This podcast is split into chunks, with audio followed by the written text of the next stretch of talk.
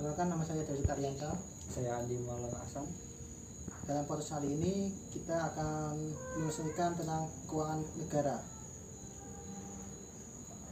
Mas, gimana pengertian keuangan negara itu? Eh, Menurut saya keuangan negara itu adalah semua hak dan kewajiban negara yang dapat dinilai dengan uang serta segala sesuatu baik berupa uang maupun berupa barang yang dapat dijadikan milik negara berhubung dengan pelaksanaan hak dan kewajiban tersebut.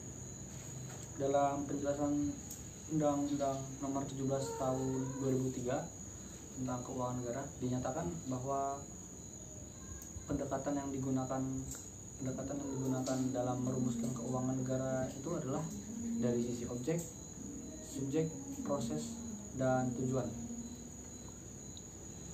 Dari sisi objek sendiri yang dimaksud dengan keuangan negara meliputi semua hak dan kewajiban negara yang dapat dinilai dengan uang termasuk kebijakan dan kegiatan dalam bidang fiskal, moneter dan pengelolaan kekayaan negara yang dipisahkan serta segala sesuatu baik berupa uang maupun berupa barang yang dapat dijadikan milik negara berhubung dengan pelaksanaan hak dan kewajiban tersebut. Dari si- sisi subjek sendiri, keuangan negara itu meliputi seluruh subjek yang memiliki atau menguasai objek sebagaimana ter- tersebut di atas yaitu pemerintah pusat, pemerintah daerah, perusahaan negara atau daerah dan badan lain yang ada kaitannya dengan keuangan negara. Dari sisi proses, keuangan negara itu mencakup seluruh ringkat rangkaian kegiatan yang berkaitan dengan pengelolaan objek sebagaimana tersebut di, di atas mulai dari perumusan kebijakan dan pengambilan keputusan sampai dengan pertanggungjawaban. Dari sisi tujuan tersebut juga keuangan negara itu meliputi seluruh kebijakan kegiatan dan hubungan hukum yang berkaitan dengan, pemikiran pemi- pemilikan atau penguasaan objek sebagaimana tersebut di atas dalam rangka penyelenggaraan pemerintahan negara. Dengan demikian, jadi bidang pengelolaan keuangan negara itu dapat dikelompokkan menjadi tiga, Mas. Yang pertama itu dalam bidang pengelolaan fiskal, yang kedua itu subbidang pengelolaan mon- moneter, dan yang terakhir itu subbidang pengelolaan kekayaan negara yang dipisahkan. Oh iya gitu. Terus apa sebidang pengelolaan fisikal itu gimana?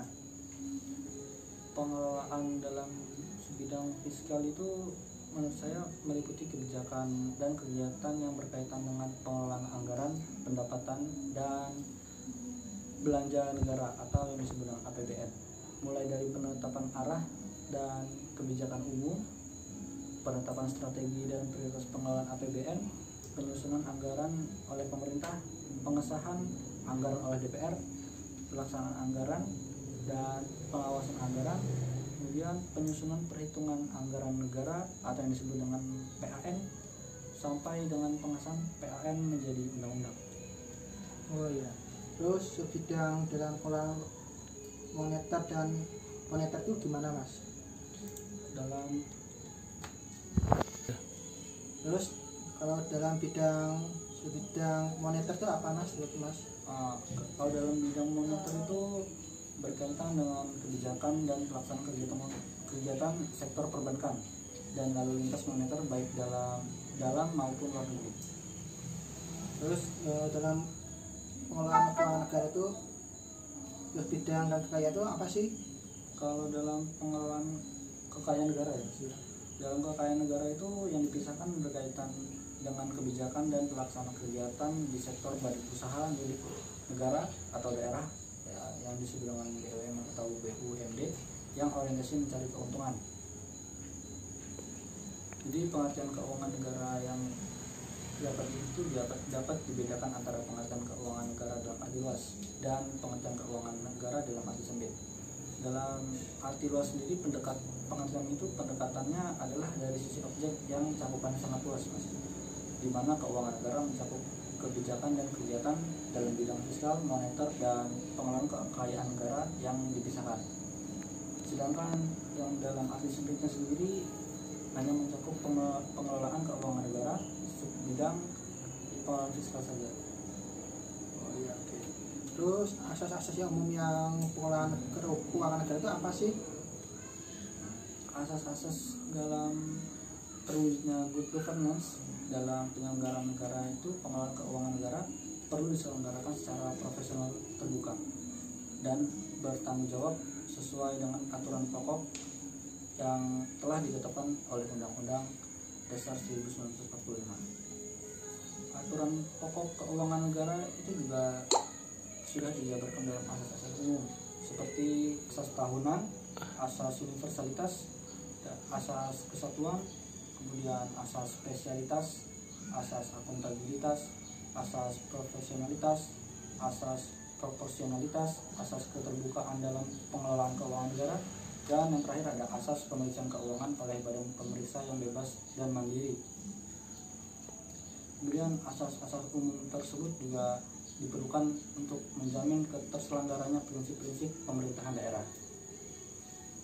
Dengan, dengan asas asas umum tersebut dalam undang-undang tentang keuangan negara, pelaksanaan undang-undang ini selain menjadi acuan dalam reformasi manajemen keuangan negara, sekaligus dimaksudkan untuk memperkokoh landasan pelaksanaan desentralisasi dan otonomi daerah di negara kesatuan Republik Indonesia. Terus dalam dalam, ruang lingkup keuangan negara itu ada apa sih? Keuangan negara itu meliputi hak negara untuk memungut pajak, mengeluarkan dan mengedarkan uang serta melakukan pinjaman. Kemudian yang kedua itu kewajiban negara untuk menyelenggarakan tugas layanan umum pemerintah daerah, pemerintahan negara dan membayar tagihan pihak ketiga. Kemudian ada penerimaan negara, pengeluaran negara, penerimaan daerah dan pengeluaran daerah. Selanjutnya kekayaan negara atau kekayaan daerah itu yang dikelola sendiri atau oleh pihak lain berupa uang, surat berharga, piutang, barang, serta hak-hak lain yang dapat dinilai dengan uang, termasuk kekayaan yang dipisahkan pada perusahaan negara atau perusahaan daerah.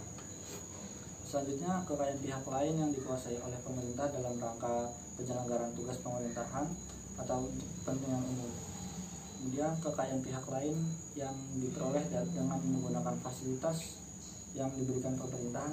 Dan yang terakhir yaitu kekayaan pihak lain. Sebagaimana yang dimaksud meliputi kekayaan yang dikelola oleh orang atau badan lain berdasarkan kebijakan pemerintah. Yayasan-yayasan di lingkungan kementerian negara atau lembaga atau perusahaan negara dan daerah. Kemudian di dalam bidang itu ada lagi mas. Subbidang pengelolaan moneter dan subbidang pengelolaan kekayaan negara yang dipisahkan Apa aja mas? Subbidang pengelolaan fiskal itu mempunyai enam fungsi. Yang pertama, fungsi pengelolaan kebijakan ekonomi makro dan fiskal. Yang kedua, fungsi penganggaran. Kemudian yang ketiga itu fungsi administrasi perpajakan.